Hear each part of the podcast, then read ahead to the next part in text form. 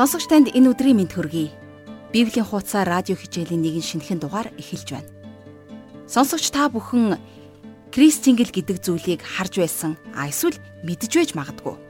Хэрвээ мэдэхгүй бол би та бүхэнд юу гэдгийг хэлж өгье л доо. Жүржийг багахан нүхлээд тэр нүхэндээ лаас хуурлуулна. А тэгэд тэрхүү нүхээ нарийнхан улаан тууцаар орооно. Тэгээд туузаар ороосон зүрчнийхаа дөрвөн талд янз бүрийн хатаасан жимс сүлбсэн шүдний чигчлүүр модыг лавхан хатгаж өгнө. Ингээд Христингэл бэлэн болно. Христингэлийг Европын зарим нэг улс оронд Христийн мэндэлсэн баярыг тэмдэглэхдээ ашигладаг юм. Бас тэрхүү жүрчин энэ дэлхийг харин лаан энэ дэлхийн гэрэл болох Есүс Христийг жүржийг ороосон улаан туус нь бидний төлөө урсгасан Христийн гимгүй цусыг бэлэгддэг юм.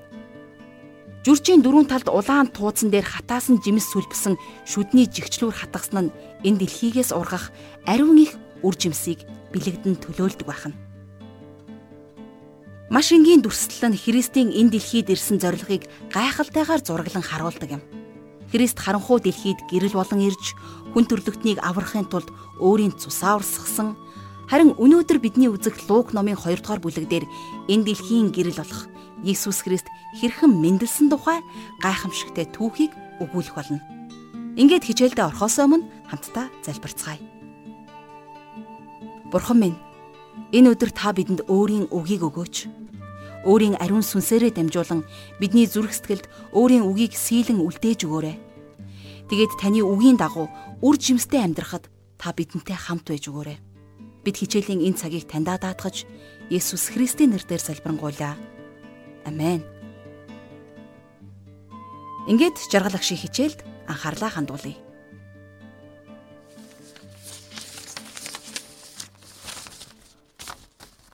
За ингээд бид өнөөдөр хамтдаа Лук номын 2 дугаар бүлгийг үзэх гэж байна. За энэ бол бидний эзэн Есүс Христийн энэ дэлхийд мэндэлсэн тухай өгүүлдэг маш гайхалтай бүлэг байгаа юм. Есүс мэндлээд 8 өдөртөө байхдаа Мосегийн хуулийн дагуу хөвч хөндүүлэх буюу хоцлуулах ёслолыг хийлгсэн байдаг. За тэгэхээр Галат номын 4-ийн 4-өөс 5 дугаар ишлэлдэр Паул бичгтээ. Харин цаг нь болоход эмэгтэй хүнээс хуулийн дорд хүрэх хүүг бурхан илгээсэн юм. Энэ нь хуулийн дор байгсдыг золихын тулд юм. Ингэснээр бид хөвгүүд нь адил үрчлэлийг авах юмаа гэж тэмдэглэн үлдээсэн байна. Иерусалимд хийсэн энэ аяллахын үр дүнд тэд Симеон Анна гэж хүмүүстэй уулзсан байдаг. За энэ уулзалтын үеэр тэдний хэлсэн гайхалтай магтуунууд за мөн бас энэ 2 дугаар бүлэгт бичигдэн үлдсэн байна. За Есүсийг гаднаас нь харах юм бол энгийн нэг хүүхэд байсан гэдгийг за түүнийг баг байхад нь болсон нэгэн үйл явдал батлан харуулдаг. Энэ талаар зөвхөн Лук эмчил бичиж үлдээсэн. За энэ талаар 52 дугаар ишлэгийг хараарай. Есүсийн бие за бие махбод болон мэрэгэн ухаан буюу оюун санаа өссөөр байсан бөгөөд Бурхны болон олон түмний тааллыг олжээ гэсэн байна.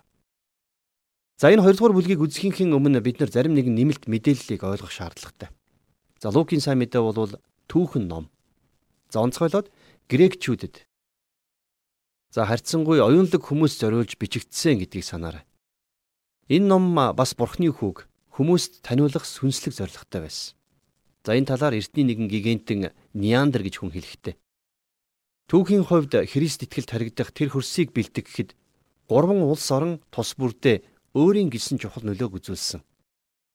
Шашны элементийн хувьд юудэчүүд, урлаг шинжлэх ухааны хувьд грекчүүд, улс төрийн элементийн хувьд дэлхийг эзэгнэгч ромчууд гэж тэмдэглэн үлдээсэн байдаг. Тэгэхээр Матай, Марк, Лукийн сайн мэдээ нь өөр өөр бүлгийн хүмүүст чиглэсэн байсан. За Матай сайн мэдээ бол евдэчүүдэд. За Марк бол ромчуудад харин Лук грекчүүдэд зориулан бичсэн. За Григори гэдэг доктор бас хэлэхдээ түүхэн дэх бусад агуу үндэстнээс грекчүүд зарим нэг мөн чанараараа ялгардаг. Тэд бол эртний улс гүрнүүдийн дунд логик учир шалтгаан, хүмүүнлэгийн ухааны гол төлөөлөгчд болж байсан. Тэд өөрсдийгөө хүмүүнийг төгөлдржүүлэгчд гэж үздэг байсан гэж бичсэн байна. Тэд нар тухайн цаг үеийнхэн хамгийн том гүрэн за хамгийн олон соёл холилдсон улс байсан. Тэгэхээр грекчүүд өөрсдийнхөө бурхтыг хүнтэй төстэй хийдэг байсан. За тийм ч учраас энэ ертөнцийн юмсыг илэрхийлэгч хүмүүний соёл заншлыг бурхадтай холбож үздэг байсан юм. За хэрвээ та санаж байгаа бол Үйлс номон дээр Паул Афин хотод очиод үл мэдэгдэх бурханд гэсэн бичгтээ тахилын ширээний талаар грекчүүдийг гэгэрүүлж өгсөн байдаг. Харин Лук хэмч тэр үед Паултай хамт явж байсан. Эзэн Есүс Христийг энэ дэлхийд ирэхэд бэлтгэх тэр бэлтгэлийн нэгэн хэсэг нь грекчүүд болж байсан гэдгийг бид нар эндээс харж болно. За энэ нь тухайн үеийн хамгийн оюунлаг хүмүүсийг хүн төрлөختнийг төгс төгөлдөр болгож аварч чөлөөлөхөд хүний учир шалтгаан хангалтгүй юм байна гэдгийг ойлгож хүлээн зөвшөөрөхөд нь түлхэц болсон юм. За энэ нь эцэстээ ийм ажлыг хийж чадах тэр нэгнийг хүсэн хүлээхэд хүргэсэн байна. За грек хэл бол яахын аргагүй бурхны үгийг түгэх түүчээ болсон. За энэ сайн мэдээний номч гисэн бас грек хэлээр бичигдсэн. За ингийн тулд бурхан магадгүй Александр хааныг бас ашигласан байхаа гэж би боддог. Тэгэхээр Македони Александрийн талаар Тэр Аз дахь далайн ирэг дээр эмэгт замбраагүй хөвтөж байсан соёл иргэншлийн орооцолдож бөөгнөрсөн торыг авч бусад бүх улс үндэстнийг тэр тороор хучиж чадсан. Үр дүнд нь дор нь өрн хоёр гів гинэд нэг болсон. Бие даан тус тустай оршиж байсан овг аймагуд нэг засаглалд ор нэгдсэн. Улс төрийн амьдралын төв болох шинэ хотууд баригдсан. Арилжаа худалдааны сувг болох харилцааны шин шугамуд нэгдсэн. Писидия, Ликония зэрэг уул нуруудад шин соёл заншил нэвтэрсэн. Тигр, Ефрат мөрнүүд грекийн мөрөн гэгдэх болсон. За Афины хил Вавилоны колон болох Юдэд ч сонсогдох болж Египтийг булан эзлэгчид грекийн Вавилоныг тэнд байгуулж энэ хотыг эзэн хааныхаа нэрээр нэрлэж байсан гэж Илч Паулийн аялал цаг үе амьдрал номонд бичсэн байдаг. Тэгэхээр энэ хот бол Александр хот. Одоо ч гэсэн ийм нэртэй хэвээрээ байгаа. Эзэн Есүс Христийн мэндэлсэн тухай өгүүлэх энэ бүлгийг үзэхдээ энэ бүх мэдээллийг эхлээд санах нь чухал болов уу гэж би бодсон юм. За ингээд хамтдаа Лук номынхан 2 дугаар бүлгийн 1-ээс 2 дугаар ишлэгийг гаргацгаая. Сонсогч танд Библийн боловсрол олгох Библийн хуудасаар радио хичээл хурж байна. Та санал бодлоо 8983 1045 утсанд хандаж хэлээрэй. Бас манай Facebook хуудасаар зочилж болно. Хаяг нь facebook.com bibлийн хуудасаар газар бүрт хүн амын тооллого явуулах тухай Цэзар Августын зарлиг тэр өдрүүдэд гарчээ. Энэ нь Куиринийг Сирийн захирагч байх үед хийсэн анхны тооллого байлаа гэсэн байна. За тэгвэл энд дурдгдсан Цэзар Август гэж яг хэн байсан бэ? За энэ хүн бол Юли Цэзрийн өргөмөл хүү байсан юм. Тэр Октавианус гэдэг жинхэнэ нэрээ Цэсар болгож өөрчилсөн байдаг. За харин Август гэдэг нь тэрний нэр биш харин цол нь байсан юм. За сенатын зүгээс тэрэнд хаан эзэн, эзэн хаан, захирагч зэрэг цол өгөх гэсэн боловч тэр энэ бүхэн сэтгэл ханамжгүй байсан учраас оронд нь Август гэдэг цолыг сонгож өөртөө өгүүлсэн. За энэ нь шашны ач холбогдолтой нэр байсан гэж үздэг юм. Өөрөөр хэлэх юм бол тэрээр өөрийгөө ингэж нэрлснээр өөрийгөө бурхан болгон өргөмжилж байгаа хэрэг байсан юм. За Лук хэмж энд Цэзар Августын нэрийг дурдсан нь ч санаандгүй хэрэг биш байсан. Цэзар Август тухайн үеийн газар бүрээс татвар хурааж авахын тулд хүн амын тооллого хийх шийдвэр гаргасан байдаг. Тэр тансаг сайхан амьдралдаа зориулж за бас эзэнт гүрний захирахын тулд цэрэг армаа хүчрэгжүүлэх зорилгоор санхүү босгох шаардлагатай байсан. Тэгэхээр Лук түүхэн баримт дурдж Энэ хүн амын тооллого хамгийн анх Куирин гэдэг хүнийг Сирийн захирагч байхад болсон гэдгийг энд тодорхой тэмдэглэн үлдээсэн байна. За ингээд 3-аас 7 дугаар ишлэлийг хамтдаа уншицгаая. Тооллогонд бүртгүүлэхээр бүгд өөр өөрийн төрлөх хот руу явцгаав. Йосеф Давидын овог отгийн хүн байсан тул Галилийн Назар хотоос Юдэг зорин Битлехэм гэгддэг Давидын хот руу жирэмсэн болсон сүд бүсгүй Мариягийнхан хамт бүртгүүлэхээр бас яв. Тэднийг тэнд байх үед Мариягийн яралах өдөр нь болж тэр ууган хүүгээ төрүүлж түүнийг даавуунд ороож тижээлийн онгоц дотор тавилаа. Учир нь буудал тэднийг хоноглуулах өрөө байсангүй гэсэн байна. За тэгэхээр Йосеф Мария хоёр өөрийнхөө Галил дахь Назар хотоос гарч Евдэ аймгийн Давидын хот болох Бэтлехэм рүү явсан байна. За Йосеф Давидын удмын хүн байсан болохоор тийшээ явах ёстой байсан байна. Харин Мария яагаад Бэтлехэм рүү явсан юм бол? За яагаад гэвэл Мария ч гэсэн яг Ясиман дээрээ Давидын удмынх байсан. Тэгэхээр түүхийн хувьд баттай үнэн энэ текстийн ард маш том сүнслэг үнэн байгааг олж хараад би маш их гайхсан юм. Цэзар Август өөрийгөө бурхан болгох гэж оролдож тэгээд өөртөө бүхнийг мөргүүлэхийг хүсч байсан. Тэрний зарилгаас болж Назарт амьдарч байсан энгийн нэгэн гэр бүл Битлехэм хотод тоолгонд оролцохоор ирж байна. За тэгээд тэр эмэгтэй хевлийдээ бурхны хүүг тээж явсан. Энэ бол үнэхээр гайхалтай. Цэсар Август өөрийгөө бурхан болгох гэж оролдож байсан ч гэсэн өнөөдөр бол хинч тэрнийг санахчгүй, хүндтгэхчгүй бурхан гэж үзэхгүй байна. Харин Мариягийн хөвлөд байсан тэр бяцхан хүүг өнөөдөр ч гэсэн олон хүн хүндлэн мөргөж аврагч эзнээ хэмээн дуудаж байна. За тэгэхээр Цэзар Августын хувьд бол ердөө л эртний нэгэн иш үзүүлэг биелэх хэрэгсэл болсон гэсэн утгатай. За юу гэхлээр хуучин гэрээний Мика зүнчийн иш үзүүлгийн 5 дугаар бүлгийн 2 дугаар ишлэлдэр харин Битлехэм Ефрата хэдийгээр чи Юдагийн бүлүүдийн дунд өчүүхэн авч Миний төлөө Израилийг захирах нэг нь чамаас төрөн гарах болно. Энэ нь эртнээс хийгээд мөнхөөс үүдэлтэй гэсэн иш үзүүлгийн биелэл болсон гэсэн. Энэ бол үнэхээр гайхалтай мэдээ. За бас тухайн үед тэнд болсон бүх зүйлийг бурхан зохицуулж зохион байгуулсан. За хэрвээ хин нэгэн хүн Цэзарт хандаж таны тушаалаас болоод жирэмсэн эмэгтэй өөр тийшээ явах хэрэгтэй болж байна гэж хэлсэн бол тэр жирэмсэн эмэгтэй хүүхэд эднэр надад ямар ч хамаагүй би хүмүүсээ бүртгээд татвар мөнгөө л авмаар байна гэж хэлэх байсан баг. Харин өнөөдөр энэ бүхэн өнгөрөн одсон Цэсарч гисэн мартагдсан. Тэгэхээр энэ багц ишлэлд Лук хэмж тухайн үед юу болсон тухай маш нарийн бичсэн байна. Мария бяцхан хүүг даавуунд орооч тижээлийн твшин тавьсан гэдгийг энд хэлсэн. Тэр хүү бол махан биеэр ирсэн бурхан. А нөгөө талаасаа жинхэнэ хүн байсан юм. Сонсогч танд Библийн боловсрол олгох Библийн хуудасаар радио хичээл хурж байна. Та санал бодлоо 8983 1045 утсанд хандаж хэлээрэй. Бас манай Facebook хуудасаар зочилж болно. Хаяг нь facebook.com Библийн хуудасаар. За 2 дугаар бүлгийн 8 дугаар эшлэлдэр Тэр газар хідэн хончид сүргээ манаад шүн хээр хоноглож байтал. За энэ төр зогсъё. Есүс Христ яг хизээ төрсөн бэ гэж маш олон хүмүүс асуудаг. За өвлийн дүн хүүтэнд биш байсан тодорхой. Яагад гэвэл дүн хүүтэн байсан бол хончид хонио манад гадаа хонж байхгүй байсан болов уу гэж бодож байна. Тэгэхээр яг хэдэн сарын хэдэн төрсөн нь ч за бас яг хэдэн сарын хэдэн цовдлогдсон нь ч тийм чухал биш. А тэр яг хэдэнд мэндэлсэнийг Библиэд хэлээгүй. Харин тэр энэ дэлхийд үнэхээр мэндэлсэн гэдэг нь л хамгийн чухал. Тэр яг хідэн цовдлогдсон бэ гэдгийг Библиэд бас л хэлээгүй байна. Харин тэр та бидний гим нүглийн төлөө нас барсан гэдэг нь л хамгийн чухал үнэн байгаа юм. 9-11 дугаар эшлэл. Эзний тэнгэрлж өмнө зогсож эзний цог жавхлан тэдний эргэн тойронд гийсэнд хончид үлэмжийн айц давтжээ.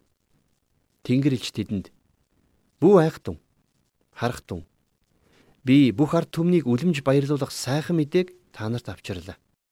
Өнөөдөр Давидын хотод аврагч эзэн Христ та нарын төлөө мэндэллээ гэсэн байна.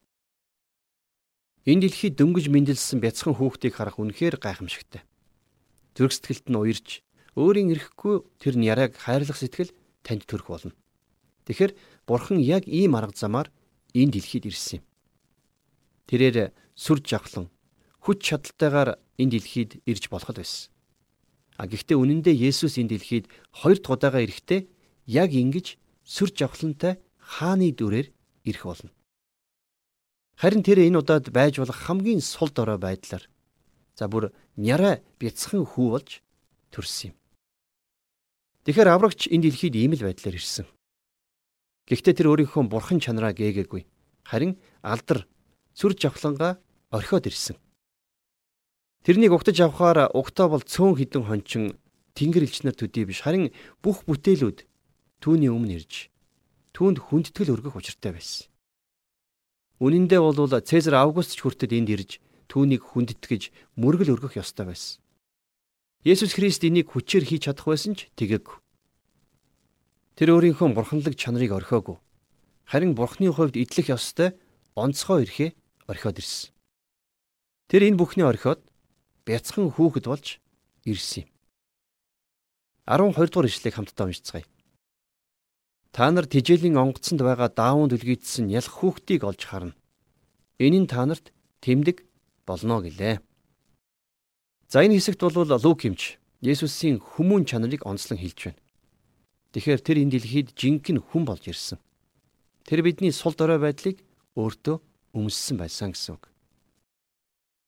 Бурхан хүн төрлөختнийг сайн мэддэг. Тэр таныг бас намайг мэддэг.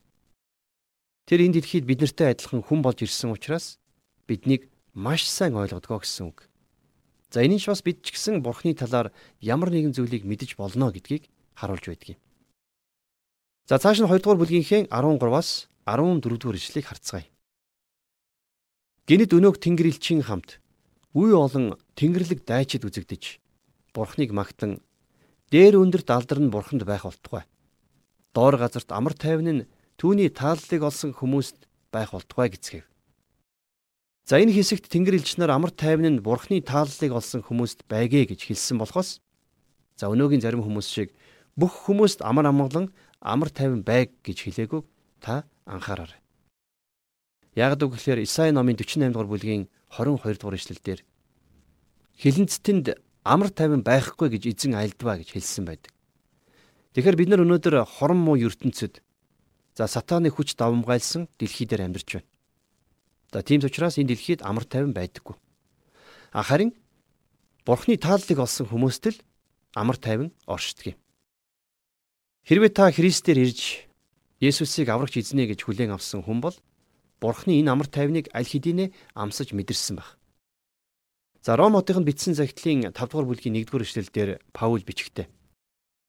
Тиймээс итгэлээр зөвтгөгдсөн бид бидний эзэн Есүс Христээр дамжуулан Бурхантай эвлэрсэн билээ гэсэн байна.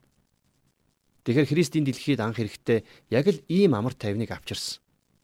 Харин Христ хоёр дахь удаага эрэхтэй ингийн жонон болж ирэх бөгөөд энэ дэлхийд ирэх шудрах биш бузар муу бүгдийг үгүй болгох болно. Тэр газар дэлхий дээр амар тайвныг тогтоох болно. Есүсийг дахин ирэх тэр үеийг хүртэл энэ дэлхий дээр инх хамглан амар тайван гэж байхгүй юм. За 2 дугаар бүлгийн 15-аас 16 дугаар ишлэгийг харах юм бол Тэнгэр элч нар тэднийг орхин тэнгэр өөд одсонд хончид бие биендээ. Одоо шууд битлэхэнд очие. Эзний бидэнд мэдүүлсэн зүйл бүтснийг үздцгээе гэлээ. Тэд яаран явж Мария, Йосеф болон тижээлийн онгоц дотор хөвтөж буй хүүхдийг олж очивоо гэсэн байна.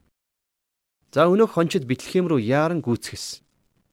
Тэд нар тэнд Мария, Йосеф хоёртой уулзаж тэгээд бяцхан Есүсийг харсан. Есүсийг мэдлсэний дараа Пончид хамгийн түрүүнд айлчилж ирсэн болтой байна. За яагад гэвэл мэрэгэн хүмүүс нэлээд хожим ирсэн гэдгийг Матай номд бичсэн байдаг. За үнэн дээр мэрэгэн хүмүүс эзэн Есүсийг мэдлснээс нэлээд хэдэн сарын дараа малын сарвчнаас нүүгээд гэр оронтой болчихсон байх үед нь айлчилж ирсэн юм шүү. 17-оос 20 дугаар ишлэгийг харцгаая. Тэд үүнийг хараад мөнөг хүүхдийн тухай сонссон үгээ мэдүүллээ.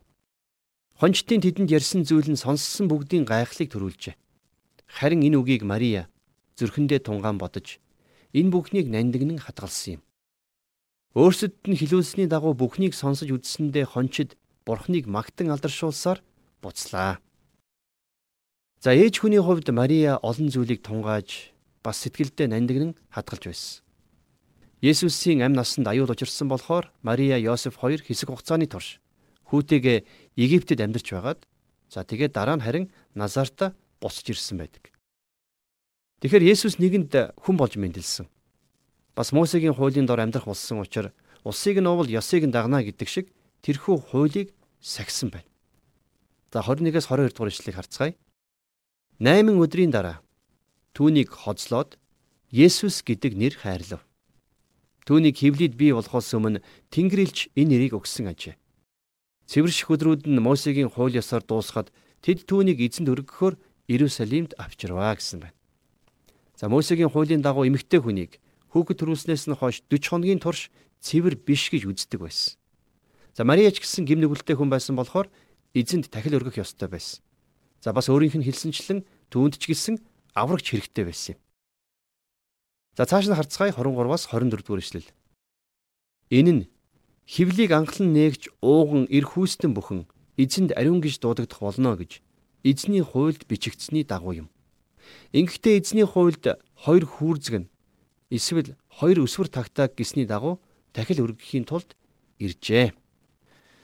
Мария Йосеф хоёр тахил болгон хоёр хос хүүрзэг нь өргөж байгаагаас тэд нар ядуу амьдралтай байсан гэдгийг бид нар мэдэж болно.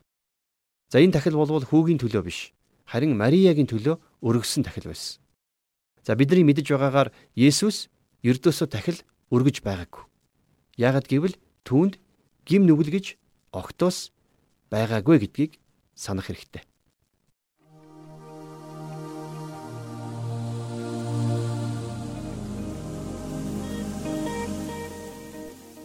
Тэгэхээр алдарт Рембрантын хончтын хүндлэл химээх зургийг сайтар харах юм бол Битлехемийн нэгэн харанхуй малын сарвчанд тижээлийн дэвшрүү бүхийн мөргсөн хоёр хончин цаана нь эргэлзэж тэнэгэлдсэн зогсох хідэн хүн үзэгдэх болно. Нэгэн хүн дэнлүү барин зогсох боловч тэрхүү зурган дээр хамгийн тод гэрэл тэрхүү дэнлүүнээс биш харин бяцхан хүү Есүс Христэс цацарч өөрийг нь тойрон цугласан хүмүүсийг гийгүүлж байгаа нь тодхон харагддаг. Есүсийг мэдлэхээс 700 жилийн өмнө Исая ингэж хэлсэн байдаг. Харанхуйд алхаж яваа хүмүүс агуу их гэрлийг үзнэ. Харанхуй газарт амьдарч байгаа хүмүүстээр гэрэл тусна.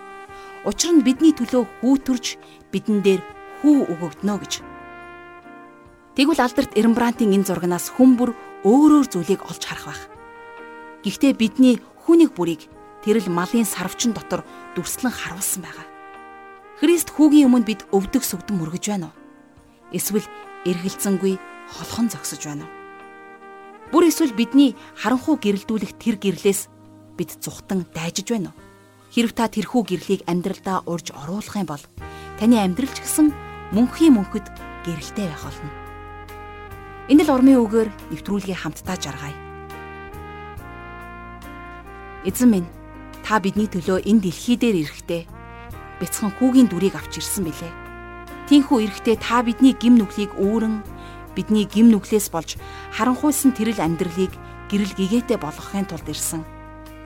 Таны энэ дэлхийд таны бидэнд хийж өгсөн бүх зүйлийн төлөө бид онцгойлон талархаж байна. Таныг хараахан аврагчаа болгон хүлээн аваагүй байгаа. Тэр бүхий л хүмүүсийн төлөө ахан дүүсийнхаа төлөө бид залбирч байна. Та тэдэнд өөрийнхөө гэрлийг өгч тэд өөрсдийнхөө амьдралаар таныг алдаршуулах болтугай бид бүхий л зүйлийг таньдаа даатгаж Есүс Христийн нэрээр залбирanгуйлаа. Амен. Сонсогч танд Библийн хуудасаар радио хичээл хүрлээ. Энэхүү хичээл маань даваагаас баасан гарагийн 14 цаг 5 минутаас танд хүрж болно. Та санал бодлоо 8983 1045 утсанд болон манай Библи хуудас @gmail.com цагим хаягт хандаж ирүүлээрэй.